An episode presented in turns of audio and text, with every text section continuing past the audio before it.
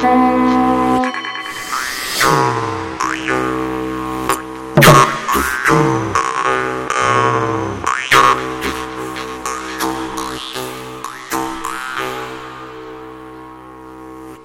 dienu jums teica tradicionālās kultūras raidījuma laika ritu raksta vadītāja Iveta Medene.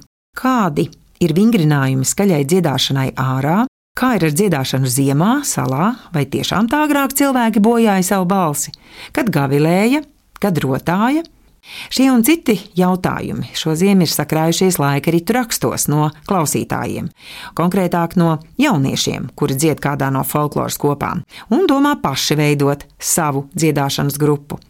Tas ir apsveicami, vai ne viesis studijā?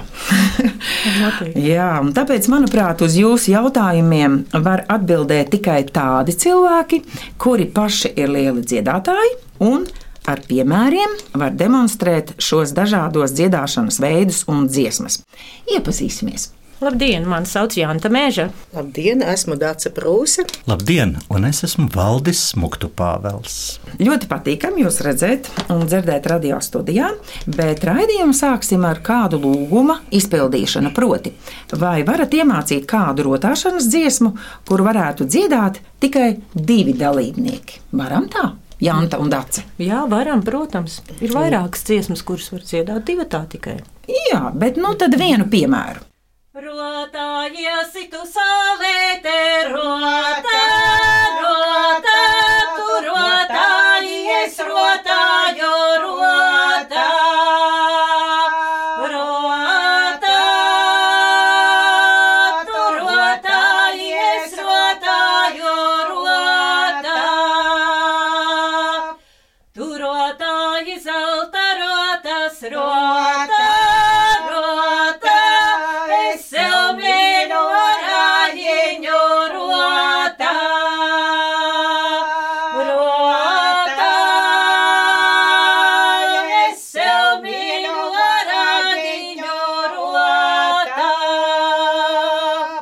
Pirmais jautājums no puišiem.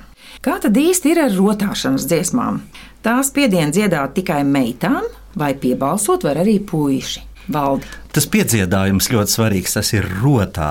Nu, kas ir rota? Meitas rota ir vainagdziņš. Nu, ja puiši varētu staigāt ar vainagdziņu, tad varētu dziedāt arī rotāšanu. Bet laikam tradīcija tādu neparedz.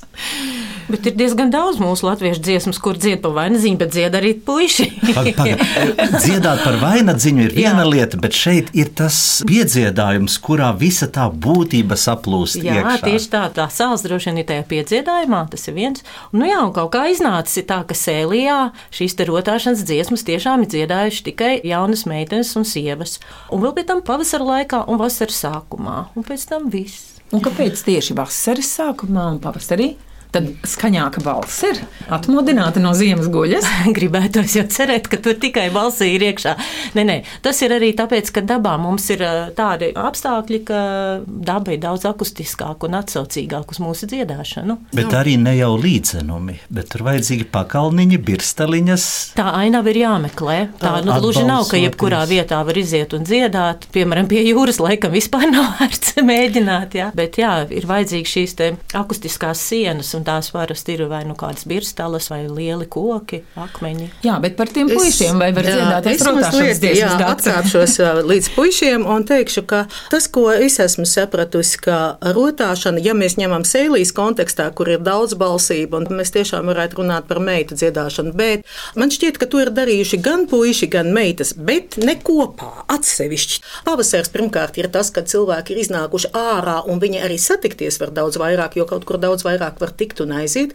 Otrakārt, protams, ka viņi pazīst savas apkārtnes skanīgākās vietas, un vēl nav lapu, un viss skan pilnīgi savādāk. Ļoti būtiska lieta. un trešā lieta, kāpēc es par tiem puišiem lieku plus pie tā, jo man ļoti vienmēr ir mulsinājis, kad meitas dzied, dziedi, dziedi, tu meitiņa dziedi balsu locīdam, tikām vēl ir labi, man deviņi bāliņi uz mani klausījās, bet tad, kad ir tīk meitiņa dzied ar mani, tīk ar mani gavilē, tīk ar mani miežas seja celmainā līdumā, tad nu gan man kaut kā liekas, ka tas nav meiteņa teksts. Jā, jā, tu jau pieminēji gavilēšanu, bet ne rotāšanu. Te jau runa par Bet rotāšanu. Tā ir dziesma, kurai piedziedājumā ir rotā. Tīri iz prakses ir tā, ka kas ir dziedājuši folkloras ansamblī, tur arī puiši ir dziedājuši rotāšanu. Piemēram, Vidvuds. Nu, protams, skandiniekos jau nu, arī man bija kāds laiks tāpat rotāju kopā ar visiem. Nu, bet ja gribās. Bet Nu, es domāju, ka visi, kas folkloras kopās, cik nu vīri puiši ir bijuši, viņi visu to ir darījuši.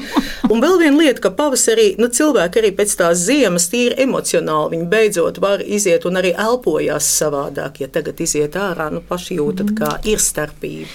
Tas, ko es gribēju vēl, ka, piemēram, rotāšanā ir arī tāda parādība kā sīkrotātāja vai māsiņa rotātāja kaut kur tekstos parādās. Un līdz ar to tā rotāšana varētu būt ne tikai ar vārdu, bet, nu, man, protams, ir grūti spriest, vai tā ir vai nav. Es varu tikai kaut kādu hipotēzi izvirzīt. Bet par to, ka tas ir kāds veids ar kādu īpašu skaņu, ar kaut ko ļoti skaistu. Pa augšu, jā? ā, jā mm. un tas ir ar kādu papildus vēl tādu pievienoto atšķirīgu dziedājumu no kādiem citiem balsiem. Varbūt arī citos balsos arī šāds te kaut kas parādās.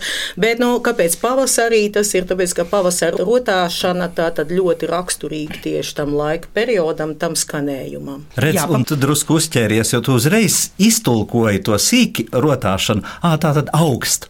Ā. Tie ir divi dažādi veidi, kā raksturot skaņas. Mēs mūsdienās lietojam augstas zemes skaņas, latviešu tradicionālajā terminoloģijā sīkas un rešņas vai rupjas skaņas. Aha, tad tas var būt papakš kaut kas arī. Nu, tas, ko mēs mūsdienās teiktu, Oh. papakš, tas būtu rupji. Uh -huh. nu, Bet rupja balss, mēs- un tad- sīkrotāšana, tas, ko mēs mūsdienās teiktu pa augšu, Jā, tādā jā, jā. augstākā reģistrā. Uh -huh. Un, ja paskatāmies tajos Jurjāna pierakstos, viņa oktāvu augstāk dzied, kas ir tas, nu, tāds mainīgs uz diviem Jā, toņiem. jā, jā, būtībā bezmaz vai Jā. burdona otrā balss, bet Tikai tikai, oktāva augstāk. Oh, tā ir augstāk mūsu skandiniekos valdiņa. Viņa vienmēr Nu, ir nu, rokā. Nu, tā ir Jā. Vai citos novados to saka pa pusbaļas dziedātājiem? Ai, Jā, tie ir visi. Arī tādi ir. jā. brīnišķīgi. Mm.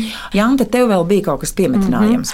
Jā, eh, atceroties par to rotāšanu, man ienāca prātā, ka vispār varbūt tās mums jāatgriežas pie tā, kā Jurijāņa Andrejs ir aprakstījis, kā tad notika tā rotāšana 19. gadsimta beigās. Un tur arī parādās ļoti interesants lietas gan par to teicēju, vārdu teicēju, gan arī sīkrotātāju. Respektīvi, gan tā priekšdziedātāja vai vārdu teicējā esot bijusi tikai viena dziedātāja, un arī sīkrotātāja. Ja bijusi tajā dziesmā vajadzīga, tad tikai viena, bet visi pārējie bijuši apakšējo balsu vai purdonu dziedātāji. Un tas arī varbūt tās kaut kādā veidā ieliek to kontekstu, kāpēc šī tā sievu dziedāšana. Un savukārt, ko tad tie puiši darīja? Tie puiši, viņi jau bija gan tie klausītāji, gan arī atbildētāji, bet iespējams, ka ne ar šīm te rotāšanas dziesmām, bet puišiem bija dažādi rāgi, dūdas un, un tā tālāk, visādi instrumenti, ar kuriem viņi varēja tālu raidīt to savu puišu signālu, jā, un arī savas īpašās puišu dziesmas. Nu, es jau iztēlojos bildi, vienkārši gribētu tur būt. O, nu, Un piedalīties šajā dziedāšanā. Un, ja palūkojas tajos tekstiņos, kas ir pierakstīti, tad var just, ka meitas zina, ka tur aiz tiem krūmiem tur tie ir paslēpušies. Man liekas, ka puiši zina, ka veids tur augšā Jā. galvenā dziesma tādu klāt. nodziedājis, ka tam bija vasarīs. Jā, jo uh, dziedāšanai jau īsnībā, nu labi, protams, cilvēks pats arī sev var iepriecināt dziedot, bet ārkārtīgi svarīga ir arī tā komunikatīvā jēga, ka tu raidi to savu balsi un ziņo, es te esmu šī pakalmiņa, es esmu pietiekoši laba dziedātāja, un tas, protams, ļoti daudz tautas dziesmās arī ir teikts, ka labs dziedātājs ir arī labs strādātājs, labas sievas un visādā ziņā forši cilvēki, jā. Priecīgi Un, cilvēki Priecīgi ir, un tā jā. tālāk, jā. Tā kā Es noteikti savukārt bija- negribētu tik ļoti noniecināt to pušu būšanu. Man liekas, ka tā ir šī brīža situācija. Tikai mums kaut kā tā liek domāt, jo, kad es paklausos teicējus, kas ir, mums izrādās Latvijā tomēr ir vīrieši, kas ir teicēji un kas ir spēj to nest. Un, ja mēs paklausāmies to pašu Ansi Bergmani vai Jēkabu Ķīburu vai, piemēram, Augustu Lāci, tad mēs dzirdam ļoti dažādas iespējas un tieši to daudzveidību. Un bez tam, ja tā no balss viedokļa tīri, tad vīriešu dziedāšana ir ar plašākām iespējām kā meitenēm. Un līdz ar to es domāju, ka tā ir um, mums mazliet kaut kur zudībā pagājusi. Nu, valdes to vīrieši ir kautrīgāki. uh, jā, bet es domāju, ka tam ir kaut kāds vēsturiskais pamatojums, vai viņiem nav bijusi iespēja, vai ir bijuši aizliegumi, vai kaut kas tamlīdzīgs. Bet, ja mm. paklausās to pašu augustu lāci, un pat tādi, kuriem nav tādas ļoti izteikts, kā viņi gavilē, kā viņi visu kaut ko dabū ārā, un tur mierīgi varētu būt arī diviem dziedot, ir absolūti, jo, nu, tomēr visu tautu dziedāšanā, kad satiekas divi, viņi nebūtu nedzied. Bet pat, ja viņi to dara vienbalsīgi, nu, man laime, ka man opaps arī dziedājis, un, un tā diezgan jaudīgi kurzemes dziesmas, un man ir gadījies īsti redzēt pašiem, kā tas notiek. Man gribētos tomēr noticēt tam, ka vīrieši dzied, un nevis ir tikai kautrīgi. Redz, folkloras vācēji, viņiem prāts bija iestelēts uz to, ka dziedātājas ir sievietes, teicējas. Nu, Vienkārši un... vairāk viņu bija pieejama nu, zinātāju. Jo nu, viņas varbūt arī vairāk pa mājām bija, tad, kad tā mhm. ekspedīcija mm -hmm. ieradās. Un tas arī. izveidojās gandrīz kā tāds obligāti, ka tu ej un tur meklē sievietes dziedātājas. Man ir arī sava personīgā pieredze no pagājušā gadsimta beigām, jā, kad jāsaka, jā, kad mēs bijām ar manu vīru Ilmāru Mežu Sventajā pie teicējas ķērstas Balčus. Viņa burvīgi teicēja, viņa tiešām ļoti daudz dziesmas gan latviešiem, gan arī lietuviešiem nodziedājusi, bet tad, kad viņa nomira, Tad uh, iznāca tā, ka mēs aizbraucām viņas brālim izteikt līdzjūtību, un Andrejs saka, vispār jau es arī dziedu, vai ne? Un tad, kad viņš sāka dziedāt, tas bija tik ārkārtīgi skaista vīru dziedāšana, bet kamēr māsa dziedāja, viņš burtiski bija vienmēr aizkrāsne. Ja? Nu, kāpēc tas tā bija izveidojis, es nezinu, bet mm -hmm. tikai tad viņš varēja parādīt savu talantu. Tagad paklausīsimies, kā dabā rotā saucējas.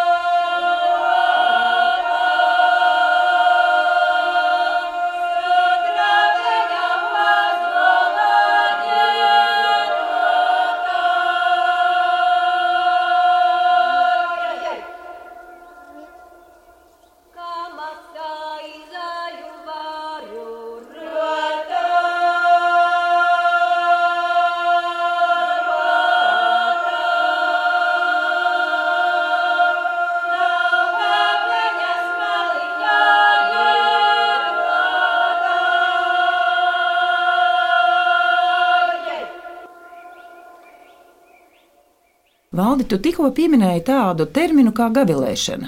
Kā gavilēja? Puisi gavilēja, negavilēja? Gavilēja visi, kam tāds brīdis bija pienācis. Ja skatāmies, ko ir aprakstījuši mūsu dižie folkloristi, 19. gadsimta beigas Jurijāns un tālāk vēlāk arī citi, gavilēja zvejnieki, gani, gavilēja ceļinieki un turklāt visu laiku vīriešu dzimtē gandrīz, ka tas oh. ir. Cik jauki. Gavila 5, gavila 6. Nu jā, bet tad jautājums tāds, ar ko atšķirās gavilēšana no rotāšanas? Jo tāds jautājums ir. Jā, un tas ir labs jautājums. Nu, pavisam vienkārši varētu teikt tā, rotāšana ir dziedāšana ar piedziedājumu rotā. Skaidrs, jā. Gavilēšana vairs nav dziedāšana. Bet gavilēšanai ir vairākas nozīmes. Galos, nu jā, un... nu, mūsdienās tas vārds es laiku pa laikam apjautājos un secinu, ka arvien vairāk zūd. Nu, ja vēl gaviļnieks ir, kuru tad apsveic ar tortītēm un, un tā tālāk, tur vēl tas vārds kaut kā kustas un vēl nav mhm, pavisam mm -hmm. aizgājis nebūtībā. Bet tai gavilēšanai atšķirībā no rotāšanas pa vidu ir tas gavilējiens. Un tas gavilējiens ir tāds, kuru ir daži mēģinājuši notīs pierakstīt, un tad tur tādas muļķības un neiedzīgas attiecības sanāk, jo tas gavilējiens, tā melodija kustas tādā mazā terciņā, kvartiņā apmēram.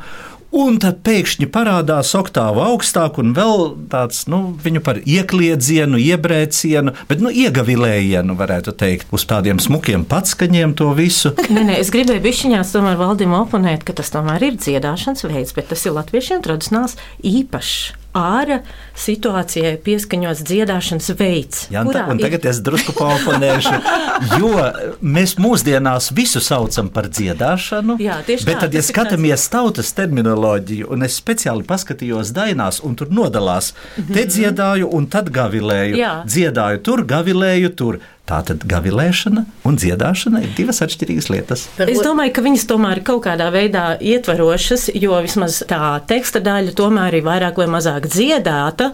Bet jā, es pilnīgi piekrītu, ka pēc tam tie izsaucieni, tas ir kliedziens, sauciens vienalga, bet emocionāli piesātināts vēstījums. Jā. Bet tā sākuma daļa tomēr varētu būt dziedājums.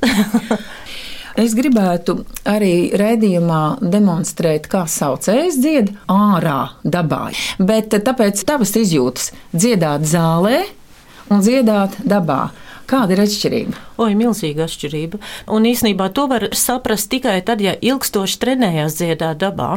Jo izējot ārā, nav mikrofoni, nekas, ne arī sienas, kas palīdz. Telpa ir bezgalīga, it kā, jā, bet jāatrod pareizo ainavu, kur tiešām ir salīdzinoši netālu kādas akustiskas sienas, kā mēs sakam, jā, kāds šķērslis, tad tas dod atbalsi, un dziedāšana var būt tiešām ārkārtīgi estētiska baudāma. Ne tikai tāpēc, ka apkārt ir skaista ainava, bet tiešām arī tā vide veido ļoti īpašu, katrai vietai raksturīgu akustiku. Bet, attiecīgi, dziedātājam ir jāiemācās to akustiku dabūt. Un balsveida ir pavisam savādāka nekā tad, ja dzied telpā. Es esmu piedalījusies tādā jūsu Jā. dziedāšanā un sapratu, ka tas ir grūti. Tas ir grūti, jā. Tas nav viegli. Un, un, ja un šoreiz trīniši. pat nav runa par to, ka ir jādarina tā balss skaļāka, bet viņa ir jādarina savādāk. Un to var tiešām mācīties tikai tad, kad tu stāvi tajā ainavā un mēģini to balsi raidīt nu, tā tādā horizontālē vairāk. Nevis tā, ka viņi paliek tepat kaut kur pie dziedātāja, bet nu, ka viņi tiešām tiek aizraidīta tālumā. Jā, tas ir kaut kāds tā kā tāds sauciens vairāk mm -hmm. nekā dziedāšana. Jā, tur bišķiņi sasaucās ar to gavilēšanu. Man ienāca prātā aina no, tas laikam, Falunas folkloras festivāls Zviedrijā, un viņi rīko ganu saucienus, bet tas nenotiek nekādā ne zālē, pat ne sporta laukumā, bet viņi iet uz ezeru vienā ezera pusē ir viena grupa saucēju, otrā ezera pusē otra grupa, un tad sasaucas pāri jā. ezeram. Tur ezers, jo ūdens uzreiz, ūdens ir ļoti labi, viņš vada piecreiz labāk par gaisu. Mm. Man ir dažkārt bijis, ka vadot kādas nu, seminārus, kādas grupas apmācībā, mums ir bijis, piemēram, nedēļu dziedāt, un ja ir iespēja, es vienmēr izvēlos ārā, kad dala telpas, es saku, jā, mēs iesim ārā, jo pirmā dienā visi jūtās tā, ka liekas, ka viņi vispār neskan, un visiem pārējiem jau skan, un mēs te ko mēs te mocamies. Un tad paiet kāda jau diena, divas, jau cilvēki ir pieraduši pie tā, un viņi vispār par to nedomā. Viņi vienkārši sāk savādāk paši skanēt. Un tad, kad mēs ienākam tajās telpās, nu, tad, nu, tad jumta ceļā savā. Jo ir pierasts atrast tas veids, kā palaist to balsi, lai viņi izskan. Bet tagad paklausīsimies saucējas dabā, lai saprastu, kas tā gavilēšana īsti ir.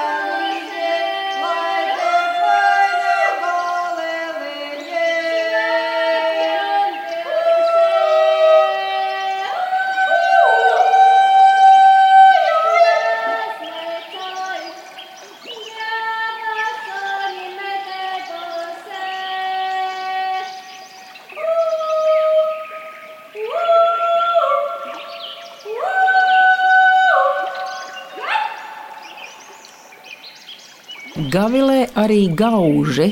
Ko tas jūsu prāt nozīmē? Jā, tas ir tieši tādā salikumā, tas ir atrodams. Jo jautra gavilēšana neatrodam dainu tekstos, mūsdienās tā sakām. Tas vārds gauži, gaust, gausties, tā gavilēšana nevienmēr ir prieka izpaudums. Jo, piemēram, vakar slīka jūrā laiva 200 zvejnieciņu, un tur gauži gavilēja tā situācija droši vien nav tāda. Nu, ā, paldies Dievam, mēs tulīt visi būsim debesīs. Nē, droši vien, ka bija citāda noskaņa. Nu, jā, tad tas gauži saistās ar gaust, gaudot, arī gausties.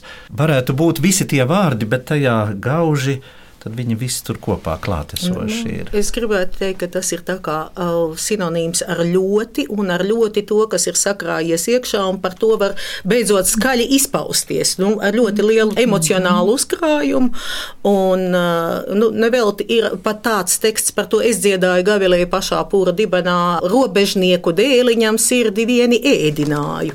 Tad gauži ir viņai, ir viņam, un tā ir emocija, kas lejās pāri un kas atbalsojās uz kādu citu citu. Jā, nu, gavilēšanā ir ļoti svarīga tā emocionalitāte, bet vai viņai jābūt tikai pozitīvai, to mēs tagad pierādām, ka nē viņa var būt visāda.